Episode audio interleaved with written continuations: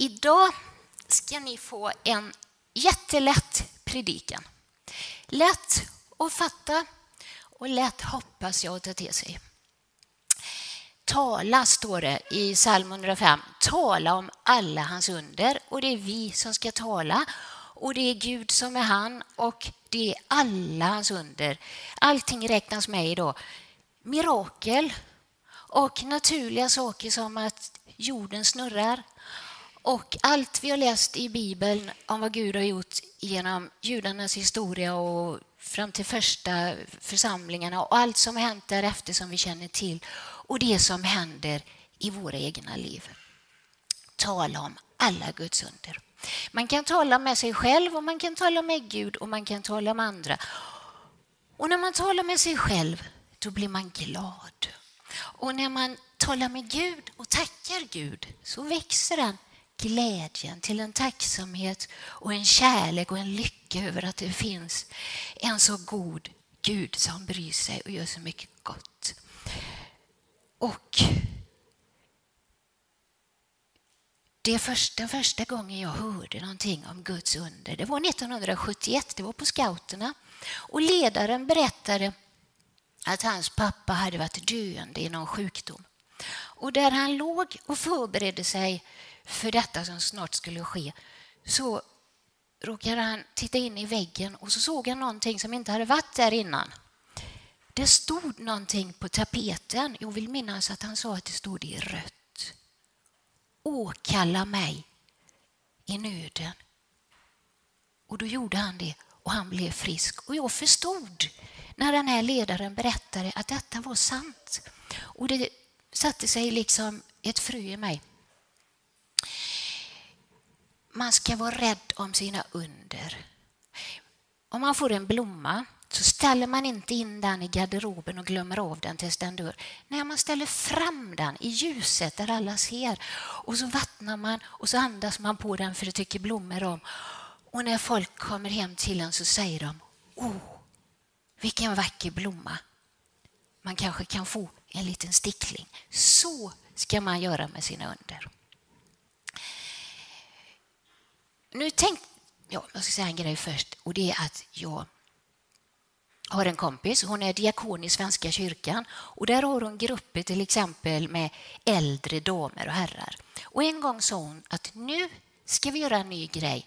Alla ska säga någonting som den är glad för och underförstått tacksam till Gud för. Och så gick de ett varv och sen ett till och sen ett till och ju mer de höll på så växte det någon slags entusiasm och en iver och alla liksom ville vara med. Och sådana som hade suttit lite introvert sådär, ni vet, de öppnade sig och blev så spontana. Och det här var så roligt. Och en hon sa, jag är glad för dig, sa hon till min kompis. Och det tyckte min kompis var kul. Och då tänkte jag, detta skulle man ju kunna göra hemma. Mina barn var i den åldern så att de tyckte om att rita och måla. Så vi tog fram papper och penna och så sa jag, nu ritar vi något. Och så berättar vi om det. Och Det ska vara någonting som vi är glada för. Och Det här blev så bra så vi gjorde om det sen många gånger. Och så en dag så kom det en lite äldre tjej för att leka.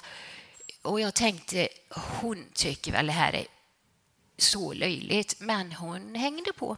Och Sen träffade jag på tjejen en tid efter och då sa hon, leker ni fortfarande den där leken om vad ni är glada för?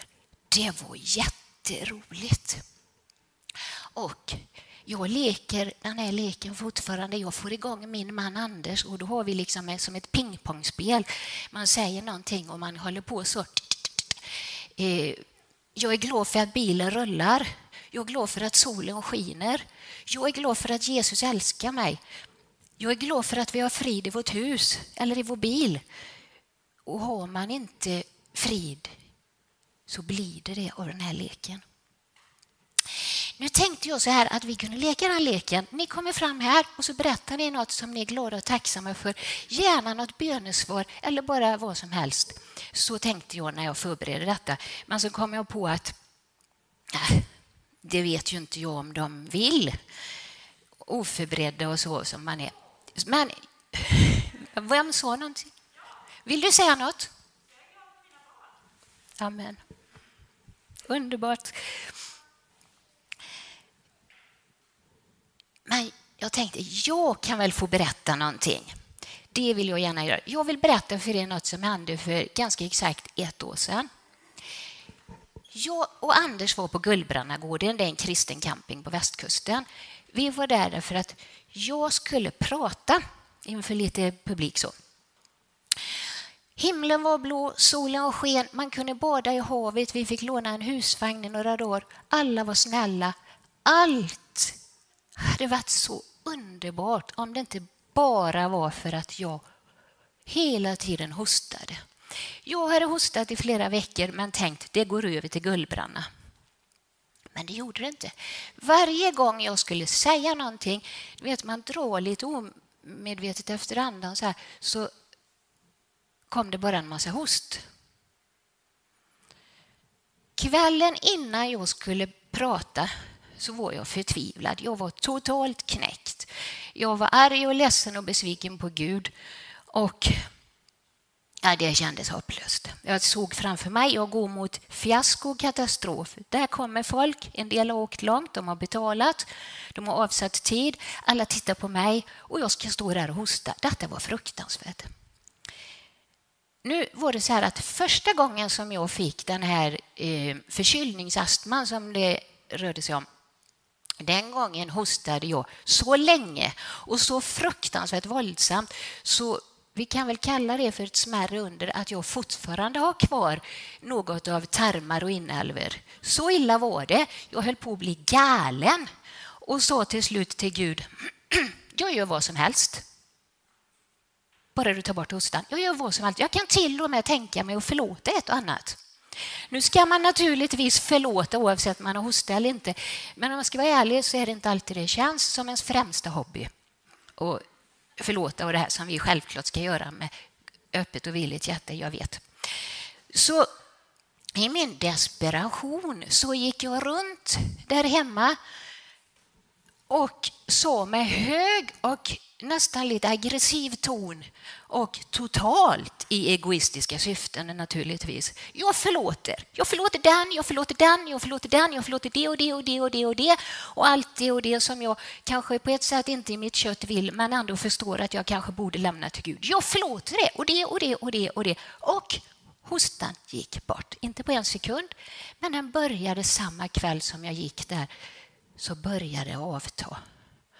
Och nästa dag var det mycket bättre och nästa dag var det ungefär borta. Och betänk då att jag hade hostat i veckovis och det var en fruktansvärt våldsam hosta. Så helt klart började hostan gå bort när jag bad. Ungefär det förloppet. Och detta var ju en så stark upplevelse för mig. Så när jag sen satt där på Gullbranna några år senare eh, för det här var ju någonting som tyvärr kom tillbaka i skov. Det var ju en liten missräkning. Men ja. Och jag hade den här hostan, inte så illa men tillräckligt illa så att det skulle förstöra mitt föredrag nästa dag. Så var jag ledsen och uppgiven. Jag var så orolig, jag var så stressad och jag var så besviken på Gud. Och så drog jag det här, så, så mindes jag ju den här gången när jag hade förlåtit. Ja. Man kanske kunde göra om det. Så kom ju tanken. Jag frågade Anders, vem ska jag förlåta? Och Anders säger det som jag visste att han skulle säga. Din syster. Min syster och jag hade inte pratat med varandra på nio år. Och jag vill inte skuldbelägga min syster för det. Och jag vill inte skuldbelägga ens mig själv, för livet är inte lätt och det händer saker som man inte kan styra och kontrollera och man har inte allt ljus och förstår och man kan inte hantera det. Det var som det var. Okej. Okay. Men det kändes tungt. Och jag sa till Gud, allt skulle varit så mycket bättre och i ett helt annat läge om min syster kunde höra av sig. Kan du inte göra så? Hon hör av sig. Sen minns inte jag vad som hände den kvällen. Men nästa dag gick jag, Anders och Eva, Eva Bilander som arrangör på Gullbranna, tillsammans den långa, tunga, hemska vägen till den här lokalen där det här frukostmötet skulle vara. där jag skulle medverka. Jag sa ingenting, jag var förtvivlad för så fort jag sa något så började jag hosta. Och ja, det var hemskt. Och jag förstod ju på Eva att hon var orolig och bekymrad, att hon fattade hur det var fatt. Men hon var lika glad och vänlig och positiv som alltid. Gud välsigne sådana visa och professionella människor. Så tog vi kaffe och mackor och satt och käkade frukost, Eva och Anders och jag. Och de andra satt runt omkring. Oh. Och stämbanden, jag sa inget, jag vill inte fresta på stämbanden mer i onödan. Och då en minut innan jag ska fram så säger Eva, Sara, får jag be för dig helt kort? Och så tog hon mina händer och någonting väldigt stilla och nästan omärkligt släppte. Och jag reste mig upp och jag ställde mig där. Och jag började prata. Och jag pratade i en timme, eller nästan, utan ett enda hostanfall. Två gånger så sa jag ursäkta, det räknas inte. Och detta var så fantastiskt. Dessutom fick jag så mycket kärlek av någon som var där. Jag glömmer detta aldrig, aldrig, aldrig. Helt fantastiskt. Sen gick det två dagar och då hade det alltså gått tre dagar efter att jag hade bett till Gud angående min syster. Och då får jag ett sms där det står följande. Mikael och jag undrar om du och Anders vill komma till oss. Vi ska ha en kusinträff. Jag förstår om du inte vill komma. Men vi skulle bli så glada och ni ska få de bästa sängplatserna.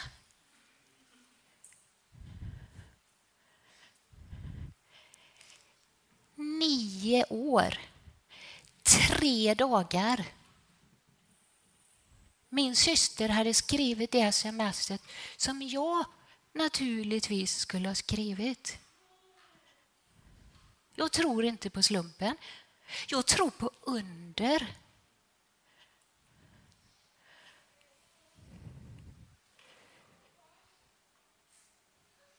Jag tror på under. Det är fullständigt realistiskt att tro på under.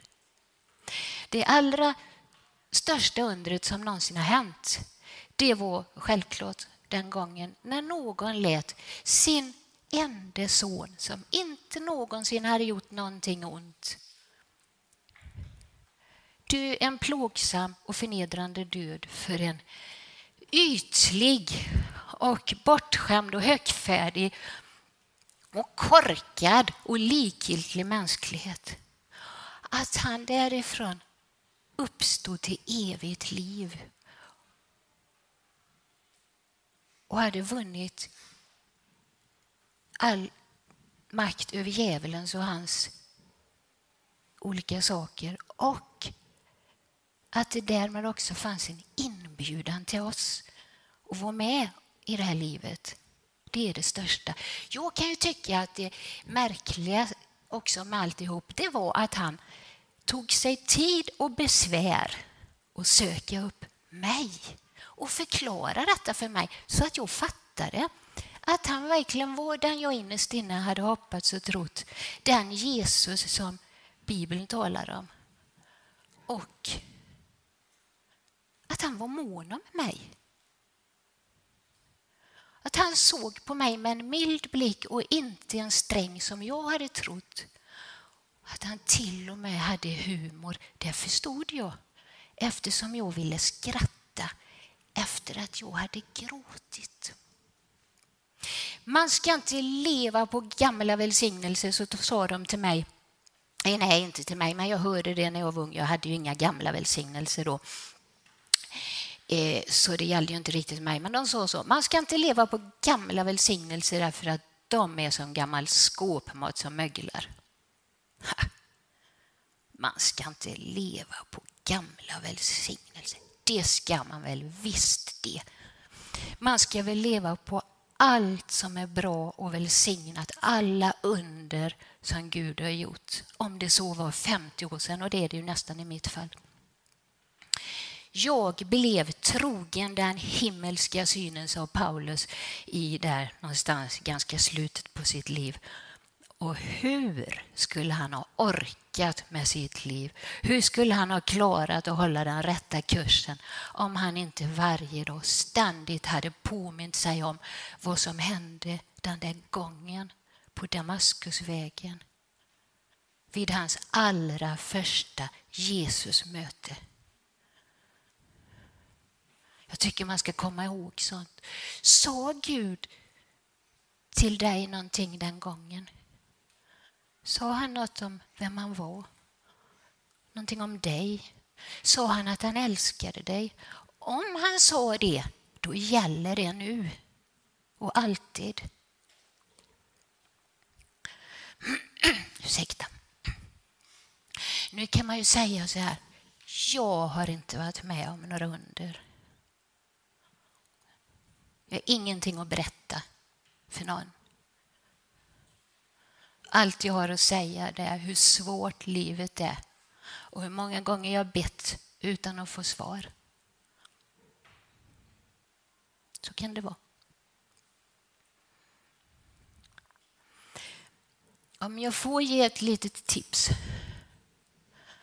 Kolla upp med sådana som har levt med Gud och gått igenom ett liv med allt vad det innebär. Ta och läs i Bibeln till exempel. Och känns Bibeln torr och seg och stängd, då har jag ett till tips. Skicka, skicka efter en sån här handbok för livet. Det är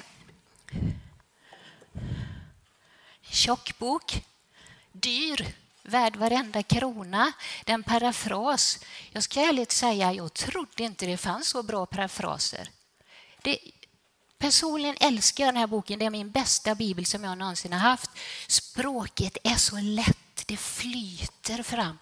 Man vill bara läsa mer och mer. Det är som en bladvändare. Dessutom generöst med kommentarer som ödmjuka och visa människor har skrivit. Den här boken är jättebra. Ta och läs, eller ta vilken bibel som helst som ni tycker är bra. Läs om till exempel Jakob, Isaks son. Läs om hans son Juda. Det, han är en dålig, det står inte så mycket, men han är intressant. Läs om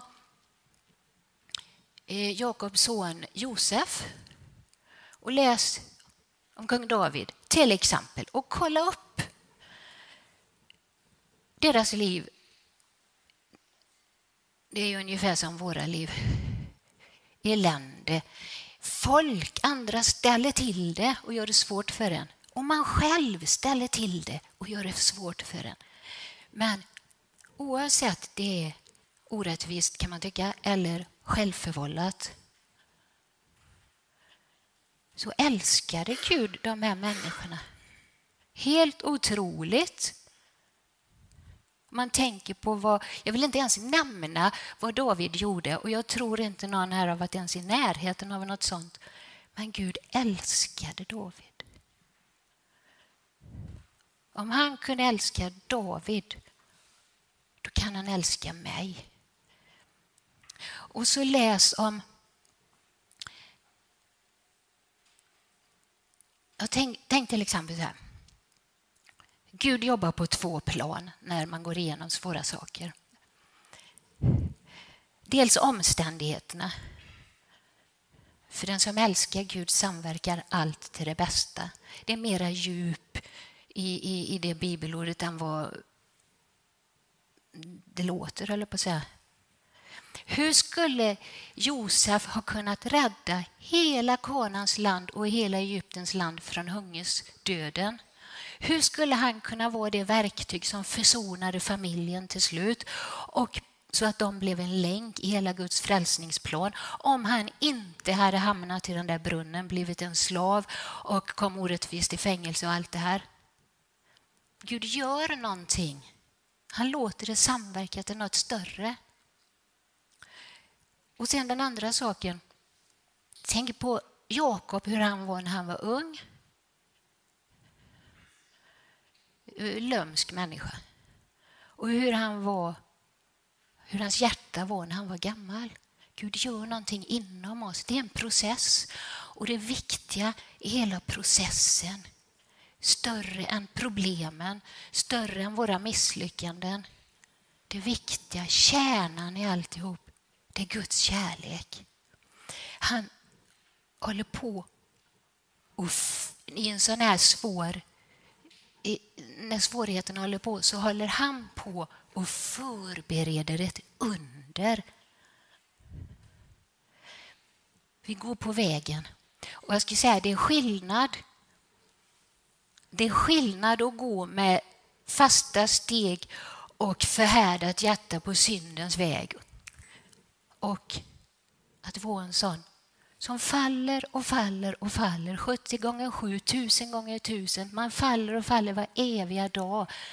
Men så länge vi håller fast vid vår tro och vill vara med Jesus så behandlar han oss som små ettåringar som ramlar och faller och försöker lära sig gå. Ta min hand upp igen. Nu går vi tillsammans. Detta är fantastiskt. Han förbereder ett under och vi måste tro på under och att han älskar oss i det här.